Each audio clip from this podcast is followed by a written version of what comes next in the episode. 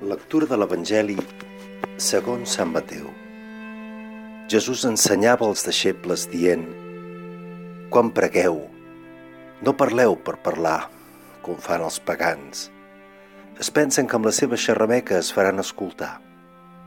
No sigueu, doncs, com ells, que bé sap el vostre pare de què teniu necessitat abans que li ho demaneu. Vosaltres pregueu així. Pare nostre que estàs en el cel, santifica el teu nom.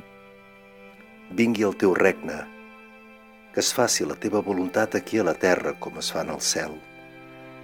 Dóna'ns avui el nostre pa de cada dia, perdona les nostres ofenses, així com nosaltres perdonem els que ens ofenen. No permetis que caiguem a la temptació i allibera'ns del mal perquè si perdoneu als altres les seves faltes, el vostre Pare Celestial també us perdonarà a vosaltres. Però si no us les perdoneu, el vostre Pare no us perdonarà les vostres.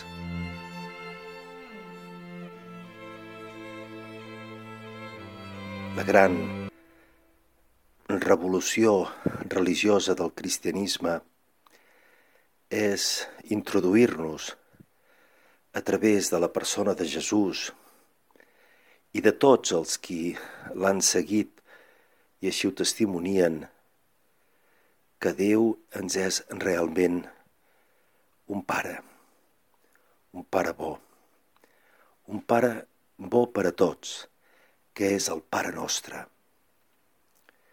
Perquè si creiem realment en Déu com a Pare de tots, aleshores la nostra vida canvia radicalment perquè veiem tots els altres com a fills d'aquest mateix Pare del cel i els tractem com a tals, com a fills de Déu, amb la mateixa dignitat que tenim nosaltres.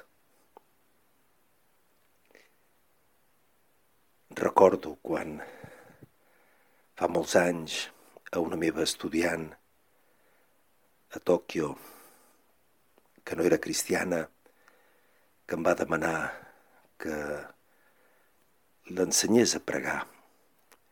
Volia pregar per la seva àvia que es trobava malament i li vaig ensenyar el Pare Nostre, explicant-li cada frase.